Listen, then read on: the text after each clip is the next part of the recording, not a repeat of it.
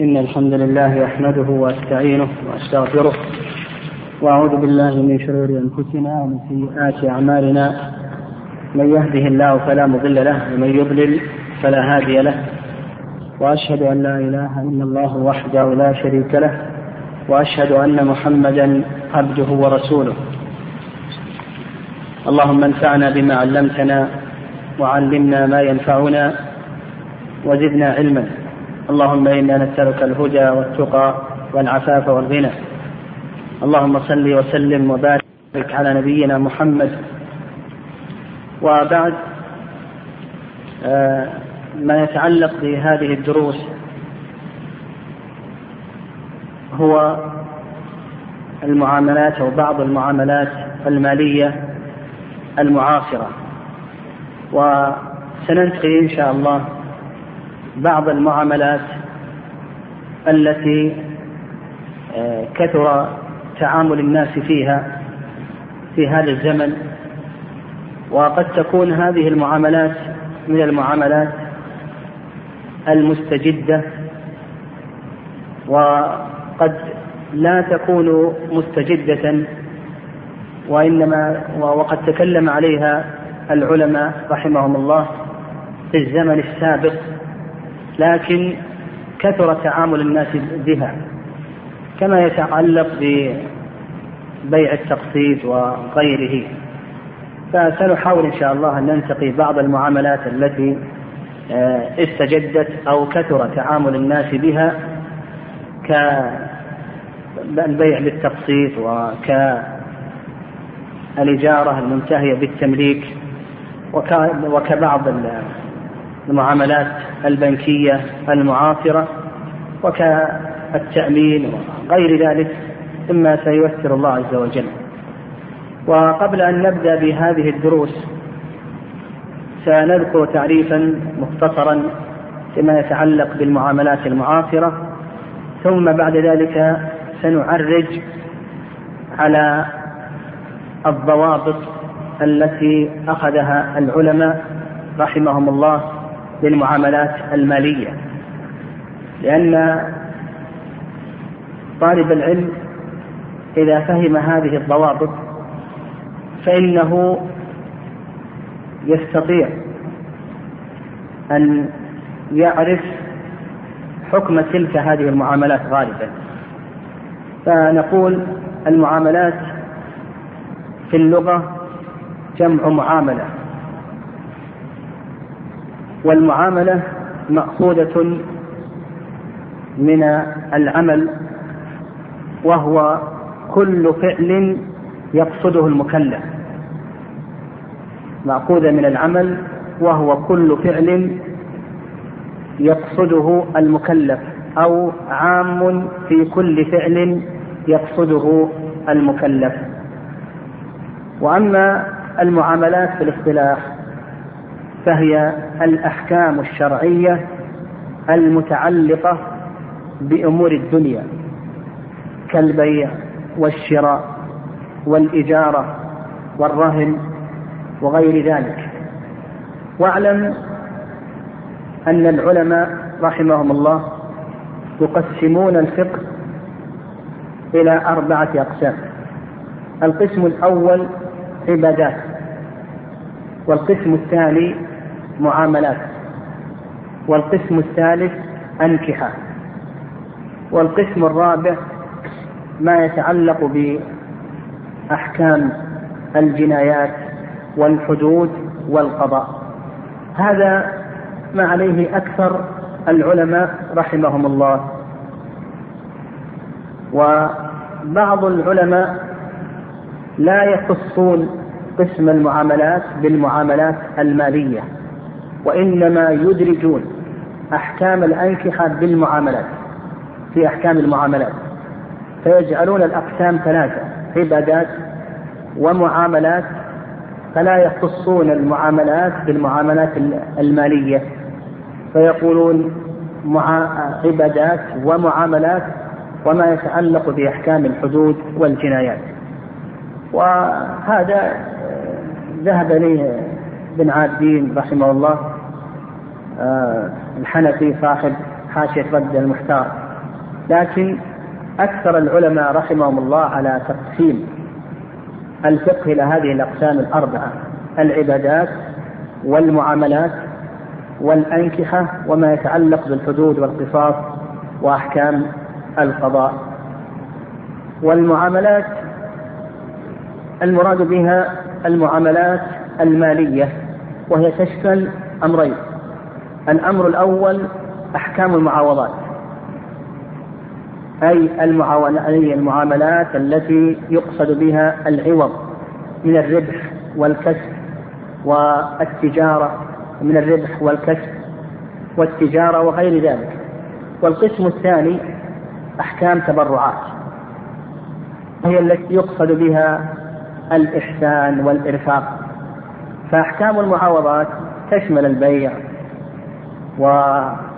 والإجارة والرهن والخيارات والشركات وغير ذلك من العقود التي يقصد بها الكسب والربح وما يلحق بهذه العقود من عقود التوثيقات. والقسم الثاني من أحكام المعاملات المالية أحكام التبرعات وهي التي لا يقصد بها الكسب والتجارة وإنما يقصد بها الإرفاق والإحسان مثل الهبة والعطية مثل الوقف مثل العتق ومثل الوصايا وغير ذلك. آه آه تبين لنا أن المعاملات هي المعاملات المالية أو أنها شاملة للمعاملات المالية بقسميها أحكام المعاوضات وأحكام التبرعات. آه إذا عرفنا أن المعاملات يراد بها المعاملات المالية. فالعلماء يطلقون المال على ثلاث على ثلاث إطلاقات أو ثلاثة إطلاقات. الإطلاق الأول الأعيان العروض. الإطلاق الأول الأعيان العروض. كالسيارة وكالبيت وكالأطعمة والأقمشة وغير ذلك. فهذه مال. الإطلاق الثاني المنافع. كمنفعة السكنى في هذا البيت وكمنفعة البيع والشراء في هذا الدكان. فهذه المنافع أيضا يطلقون عليها أنها مال. القسم الثالث العين ويراد به النقد الذهب والفضة وأيضا الآن ما يقوم مقام الذهب والفضة من الأوراق النقدية مع أن المشهور عند الفقهاء رحمهم الله أنهم يجعلون الأوراق النقدية آه، مشهور عند كثير من الفقهاء أنهم يجعلون الأوراق النقدية من قبيل العروض فتبين أن إطلاق المال عند العلماء ينقسم أو يتنوع إلى هذه الثلاثة الأنواع. النوع الأول الأعيان العروض فهذه تسمى مالا والنوع الثاني المنافع كمنفعة السكنى ونحو ذلك فهذا يسمى مالا. والنوع الثالث العين يعني النقد المبروط فهذا أيضا يسمى مالا. آه، آه، عرف العلماء رحمهم الله آه، المال بتعاريف متقاربة. فقالوا في تعريفه هو كل عين مباح النفس. كل عين مباح النفس فهذا يسمى مالا. أو نقول كل ما أبيح نفعه كل ما أبيح نفعه فهو مال إلا ما استثناه الشارع. الحنابلة يقولون في تعريف المال أنه كل عين مباح النفع بلا حاجة. أو نقول كل ما أبيح نفعه إلا ما استثناه الشارع. فكل ما يباح نفعه فهذا يسمى مالا. آه هذا ما يتعلق بلفظ المعاملات. وأما لفظ المعاصرة فالمعاصرة مأخوذة من العصر. والعصر هذا يطلق على إطلاقات أو يطلق في اللغة على ثلاثة إطلاقات. الإطلاق الأول الدهر والحين والإطلاق الثاني مأخوذ من عصر الشيء إذا ضغطه حتى يحتلف والإطلاق الثالث الملجأ يقال اعتصر بالمكان أي التجأ به فالمعاصرة مأخوذة من العصر والعصر يطلق في اللغة على ثلاثة إطلاقات. وأما والمراد هنا المعاملات المستجدة. فيتلخص لنا في تعريف المعاملات المعاصرة أنها الأحكام الشرعية للمسائل المالية. الأحكام الشرعية للمسائل المالية التي ظهرت ووجدت في عصرنا. يقول الخلاصة في تعريف المعاملات المعاصرة أنها الأحكام الشرعية للمسائل المالية التي استجدت في عصرنا. آه كما سلف قبل أن نبدأ بشيء من أحكام هذه المعاملات آه سنتعرض لشيء من الضوابط التي ذكرها العلماء رحمهم الله التي آه تنبني عليها هذه المعاملات أو آه، يبنى تبنى عليها أحكام هذه المعاملات. الضابط الأول أن الأصل في المعاملات الحل هذا الضابط الأول. الضابط الأول أن الأصل في المعاملات الحل وهذا ما عليه جماهير العلماء رحمهم الله تعالى. بل حكي الإجماع على ذلك. لكن هذا الإجماع فيه نظر فإن المشهور عند الظاهرية أنهم يخالفون في ذلك. والأدلة على أن الأصل في المعاملات الحل كثيرة.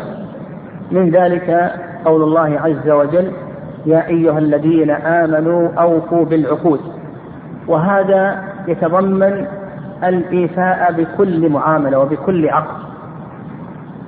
سواء وجد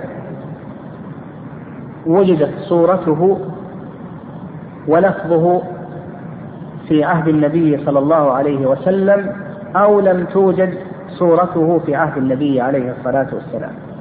وكذلك أيضا استدلوا بقول الله عز وجل وأوفوا بالعهد إن العهد كان مسؤولا. وهذا مطلق.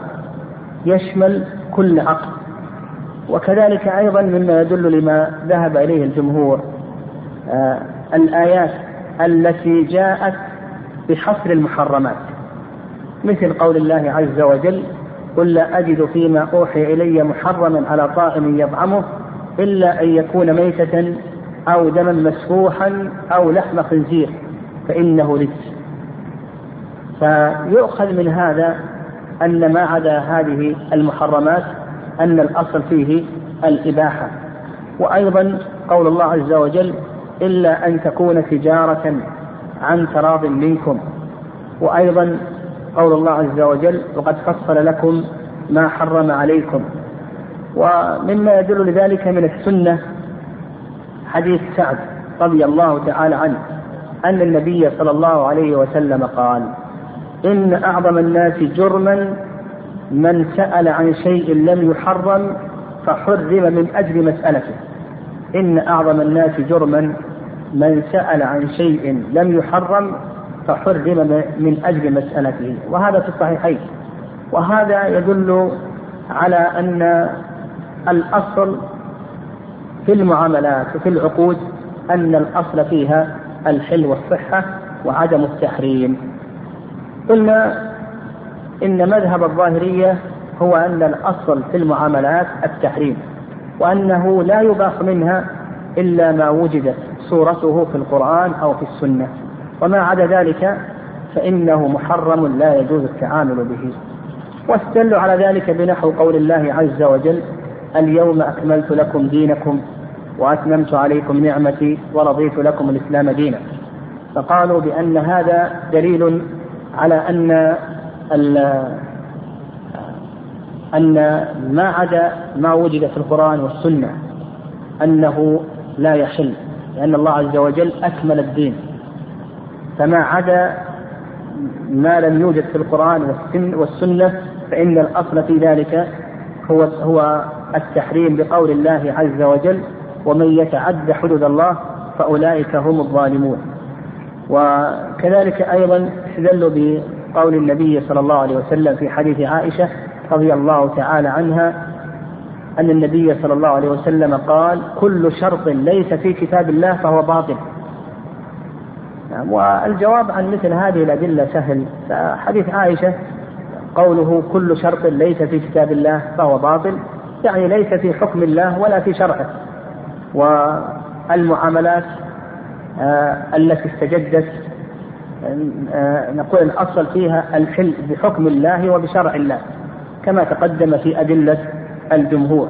وكذلك أيضا قول الله عز وجل ومن يتعد حدود الله فأولئك هم الظالمون. نقول المراد بتعدي حدود الله هو تحريم الحلال أو إباحة الحرام.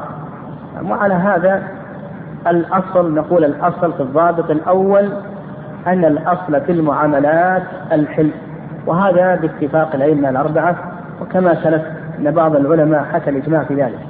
الضابط الثاني أن الأصل في الشروط في المعاملات الحل والخلاف في هذا كالخلاف في المسألة السابقة. فجمهور أهل العلم على أن الأصل في المعام في الشروط في المعاملات الحل فما يشترطه أحد المتعاقدين. من الشروط سواء كان شرطا يقتضيه العقد أو كان شرطا من مصلحة العقد أو كان شرط وصف أو شرط منفعة. يأتينا في تقسيم الشروط إن شاء الله. أقول الأصل في ذلك الحلم ويدل لذلك قول الله عز وجل يا أيها الذين آمنوا أوفوا بالعقود. والأمر بإيفاء العقد يتضمن الأمر بإيفاء أصله ووصفه ومن وصفه الشرط فيه. وأيضا قول الله عز وجل وأوفوا بالعهد إن العهد كان مسؤولا وهذا يتضمن الإيفاء بالشروط. والمراد بالشروط في العقد هو ما يشترطه أحد العاقدين مما له فيه منفعة. ما يشترطه أحد المتعاقدين مما له فيه منفعة. ومحل الشرط في العقد الصحيح آه، أنه يكون قبل العقد يعني اتفق المتعاقدان على هذا الشرط وأن أن مثلا يشترط أن ينتفع بالمبيع لمدة كذا أو أن المشترك المشتري يشترط أن الثمن يكون مؤجلا إلى آخره. المهم الصواب أن محل الشرط في العقد يكون قبل العقد إذا اتفق عليه ويكون أيضا في صلب العقد ويكون أيضا في زمن الخيارين. قبل العقد يصح إذا اتفقا على هذا الشرط. في صلب العقد قال مثلا بعتك هذه السيارة بشرط أن أستعملها لمدة يوم أو يومين إلى آخره فنقول بأن هذا شرط صحيح. آه، في زمن الخيارين أيضا نقول بأن هذا شرط صحيح. زمن خيار المجلس أو زمن خيار الشرط فلو أنه باعه السيارة. ثم بعد ذلك في المجلس قال لي, لي, شرط أن أنتفع بها لمدة يوم أو يومين أو أسبوع أو أسبوعين إلى آخره فيقول بأن هذا شرط صحيح. أيضا آه في في زمن خيار الشرط يصح أن يشترط فلو أنه باعه السيارة وقال لي الخيار لمدة ثلاثة أيام ثم بعد ذلك في أثناء هذه المدة اشترط أن يستعمل هذه السيارة لمدة أسبوع أو أسبوعين فنقول بأن هذا صحيح. فتلخص لنا أن محل الشرط في العقد يكون قبل العقد ويكون في صلب العقد ويكون أيضا في زمن الخيارين زمن خيار الشرط وزمن خيار المجلس. الضابط الثالث الضابط الثالث منع الظلم. الضابط الثالث منع الظلم. والظلم في اللغة وضع الشيء في غير موضعه تعديا. يقول الظلم في اللغة وضع الشيء في غير موضعه تعديا. وأما في في الشرع فهو فعل المحظور وترك المأمور. يقول في الشرع فعل المحظور وترك المأمور. ففعل المحظور وضع للشيء في غير موضعه شيئا شرعا فهو ظلم. وكذلك أيضا ترك المأمور وضع للشيء في غير موضعه شرعا فنقول أيضا هذا من الظلم. وهذا الضابط مما مما اتفق عليه.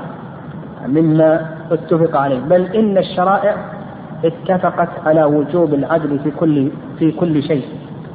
فالله عز وجل أرسل الرسل وأنزل الكتاب والميزان ليقوم الناس بالقسط. نقول هذا الضابط مما اتفق عليه بين العلماء. بل إن الشرائع جاءت به.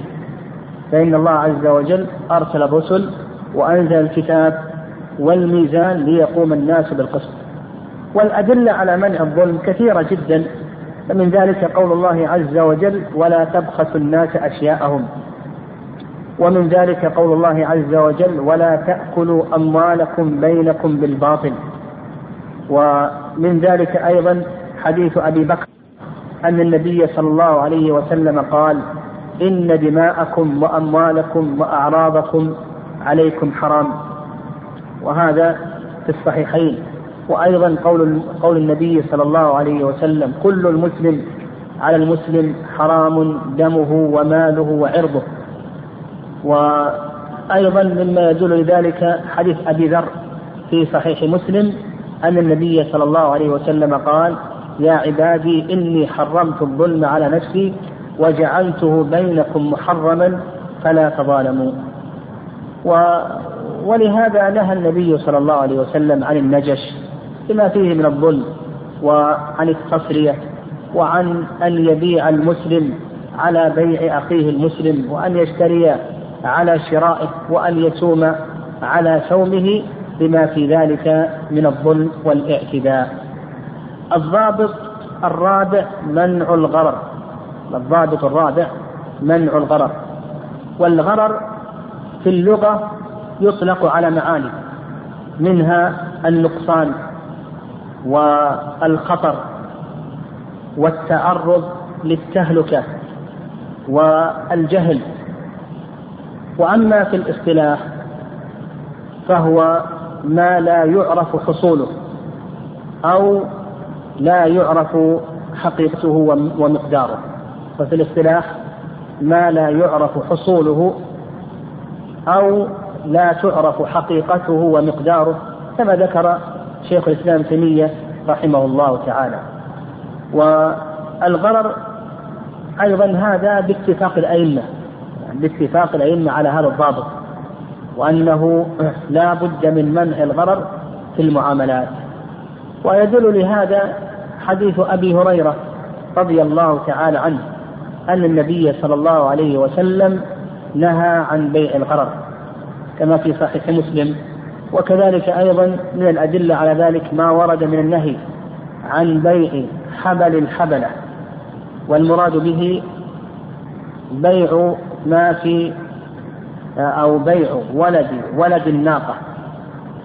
وكذلك أيضا بيع المضامين. والمضامين المراد بذلك ما في بطون النوق من الأجنة وكذلك أيضا بيع الملاقيح.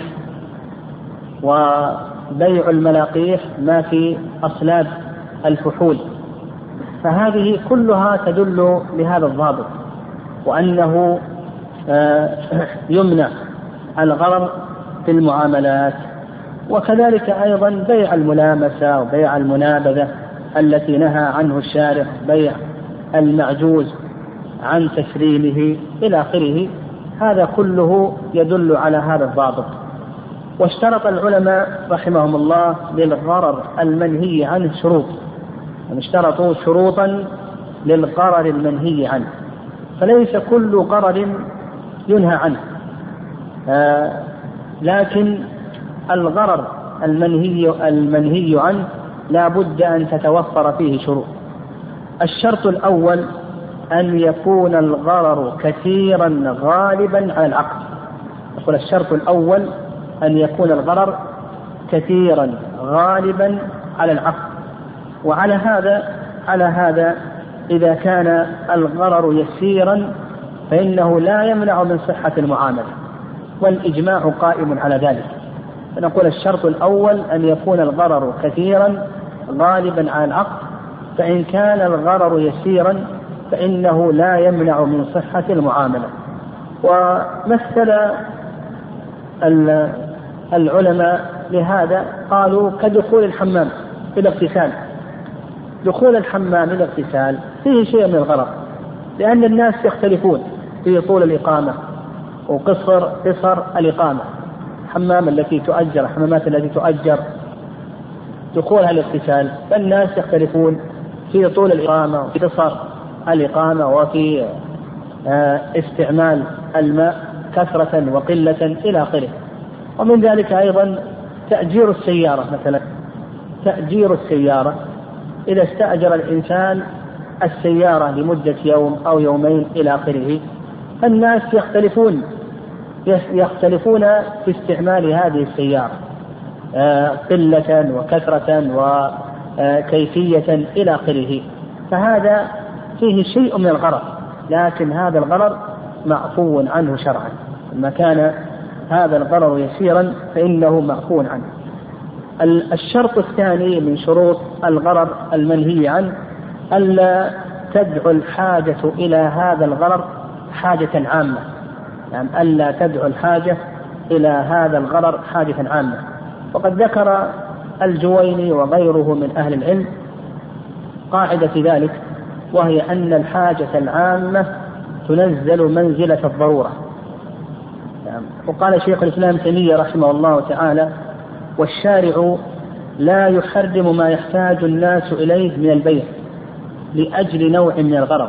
يقول شيخ الإسلام تيمية رحمه الله والشارع لا يحرم ما يحتاج الناس إليه لأجل نوع من الغرض بل يبيح ما يحتاج الناس إليه من ذلك. و آه، قول العلماء رحمهم الله الحاجة العامة تنزل منزلة الضرورة. آه، هذا لا بد إذا سلمت هذه القاعدة فلا بد من تحقق الحاجة. وألا يكون هناك ألا يكون هناك مخارج شرعية.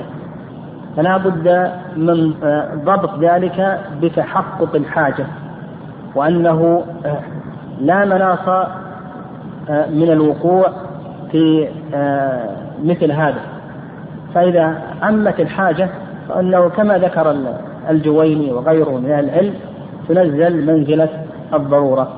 ويدل لهذا حديث ابن عمر رضي الله تعالى عنهما أن النبي صلى الله عليه وسلم نهى عن بيع الثمار حتى يبدو صلاحها.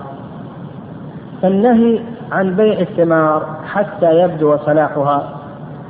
هذه قالوا بأنها حاجة عامة. إذا بدا الصلاح يؤخذ من الحديث أنه إذا بدا صلاح الثمر أنه يصح البيع يعني إذا احمرت الثمار احمر البسر أو اصفر صح البيع.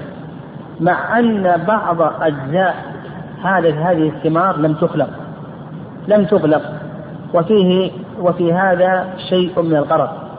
ومع ذلك أجاز الشارع ذلك لعموم لعموم الحاجة. آه الشرط الثالث من شروط الغرر المنهي عنه أن يمكن التحرز من الغرر بلا حرج ولا مشقة.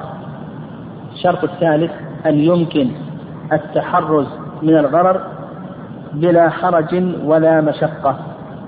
وهذا أيضا بالإجماع.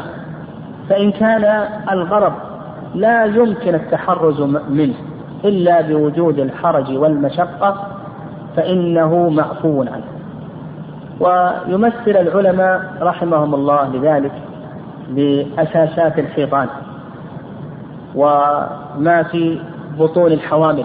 فالإنسان يشتري البيت وهو لم يطلع على أساسات هذا البيت وعلى قواعد البيت وكيف تمت إلى آخره.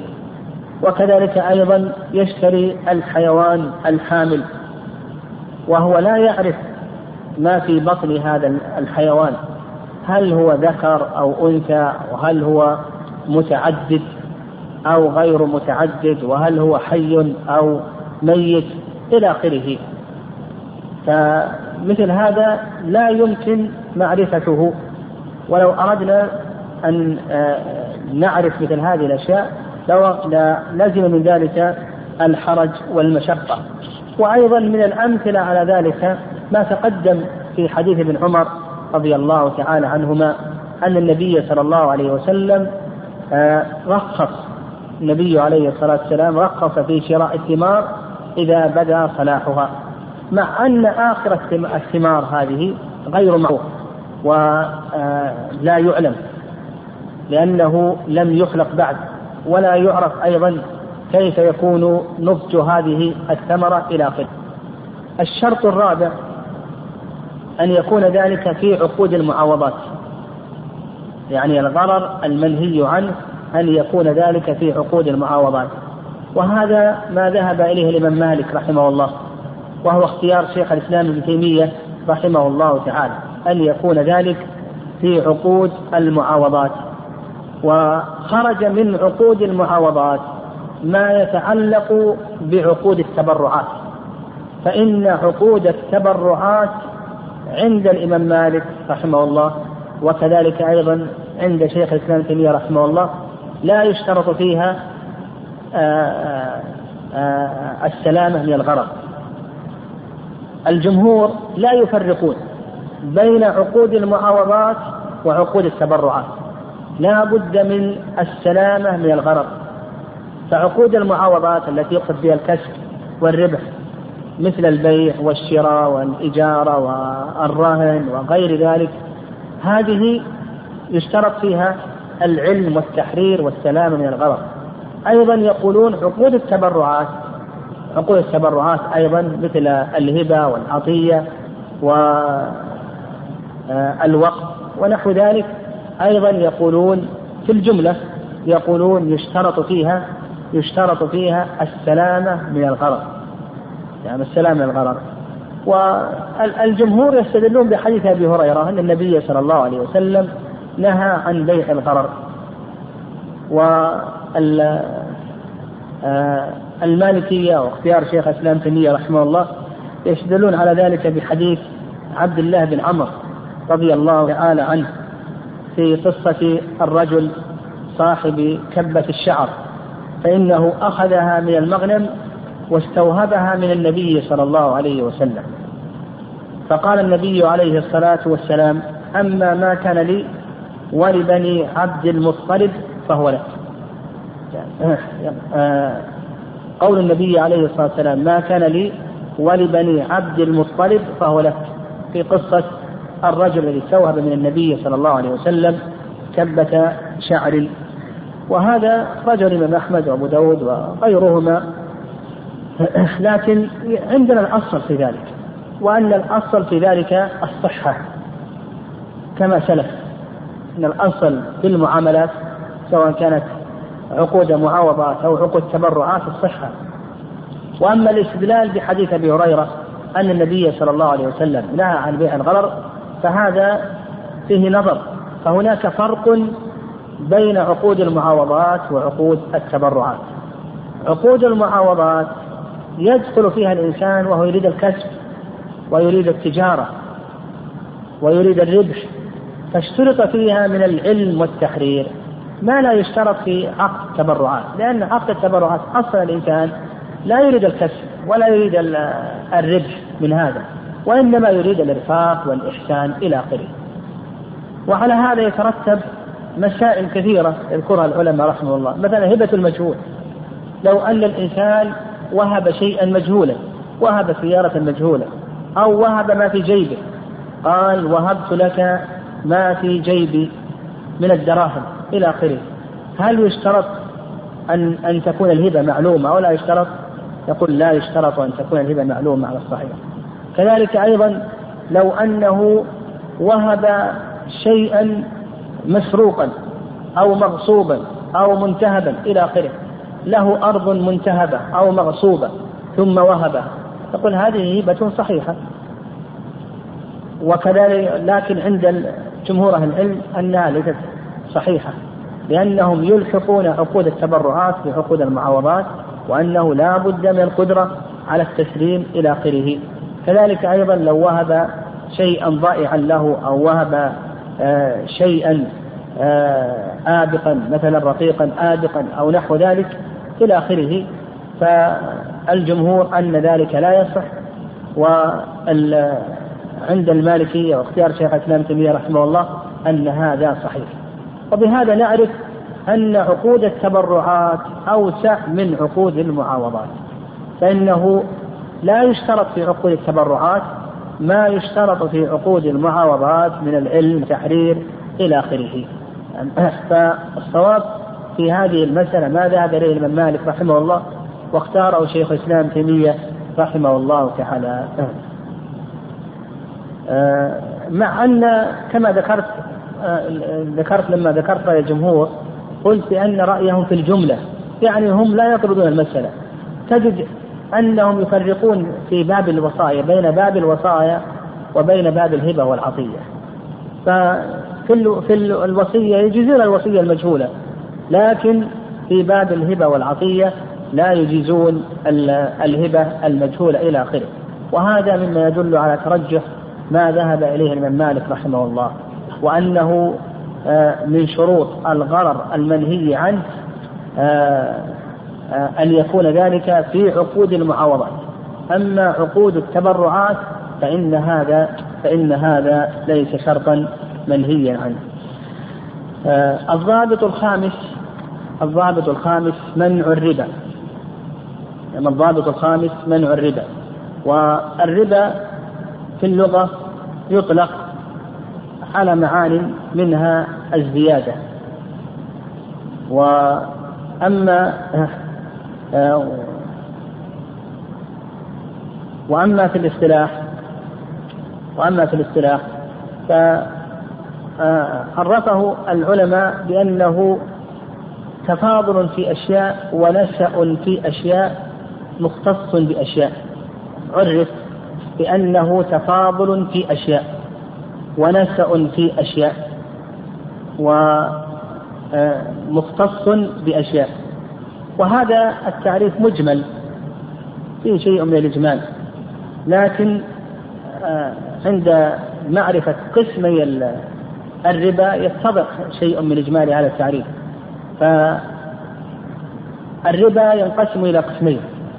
القسم الأول ربا الفضل والقسم الثاني ربا النسيئة هذان القسمان هما القسمان المشهوران عند العلماء رحمهم الله وهناك من العلماء من يقسم غير هذا التقسيم. لكن هذان القسمان هما القسمان المشهوران. والفضل في اللغة الزيادة.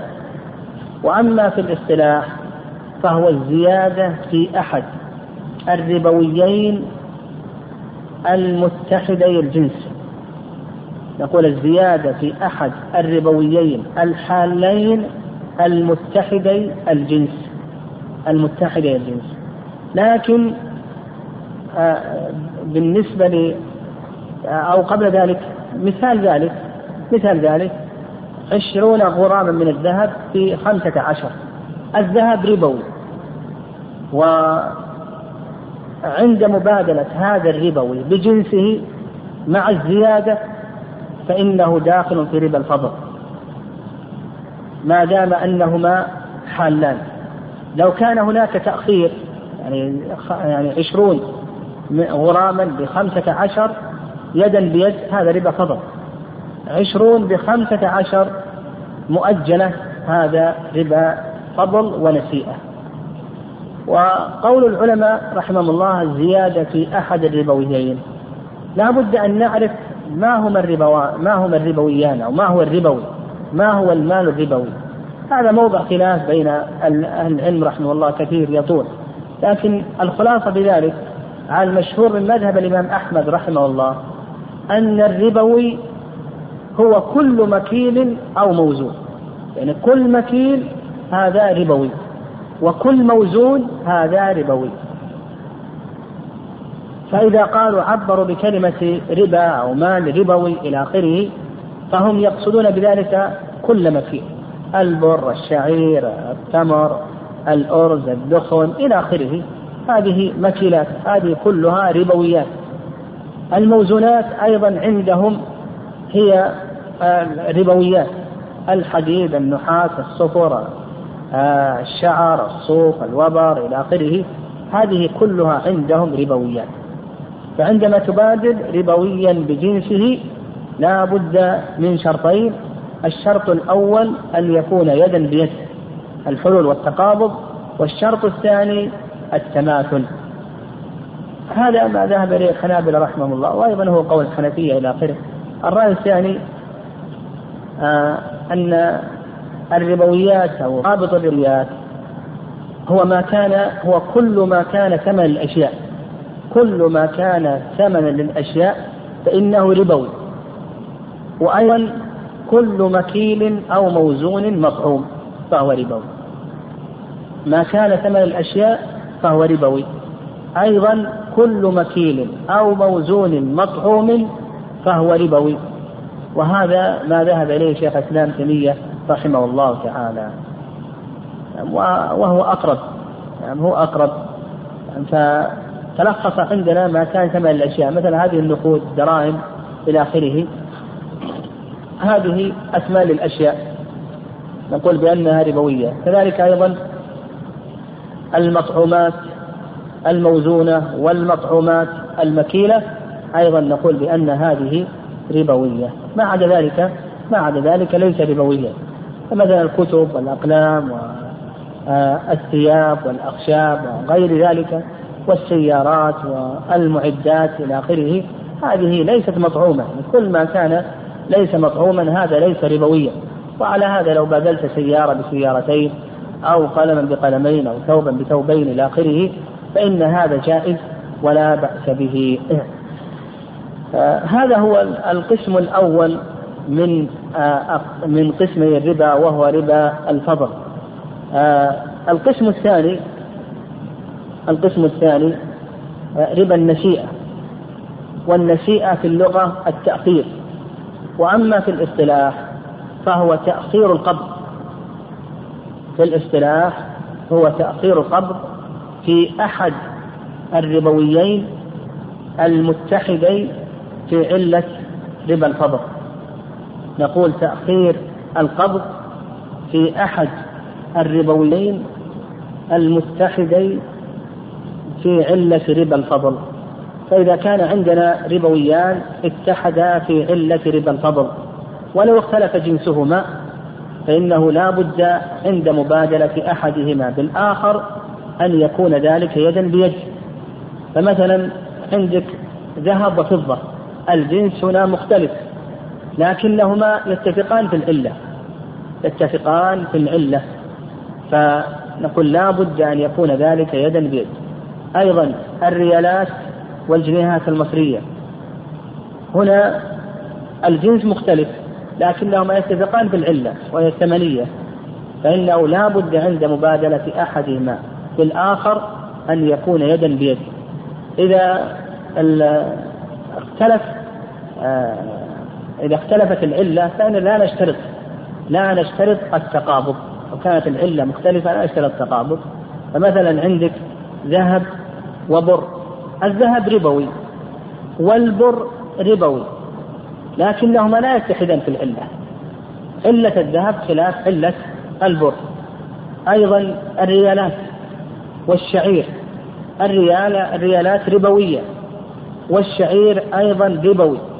لكنهما لا يتفقان في العلة فحينئذ لا نشترط لا نشترط التقابض. يعني إنما نشترط التقابض إذا اتحد الربويان في علة ربا الفضل. فإذا اتحد في علة ربا الفضل وحصل التأخير فإنه آه، آه، ربا النسيئة. والربا آه، أدلة تحريمه ظاهرة. والعلماء يتفقون على تحريمه الإجماع قائم على تحريمه.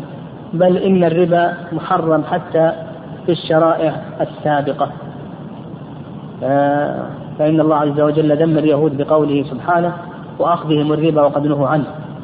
والله عز وجل يقول يا أيها الذين آمنوا لا تأكلوا الربا أضعافا مضاعفة. ويقول سبحانه وأحل الله البيع وحرم الربا.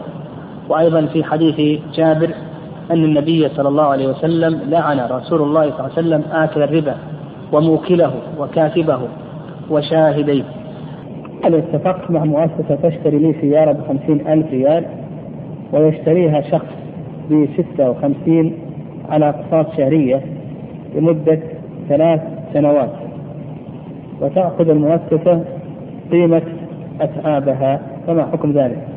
آه هذه المسألة سيأتينا إن شاء الله ما يتعلق بالمرابحة للآمر بالشرع. وهذه الآن كثر تعامل الناس فيها.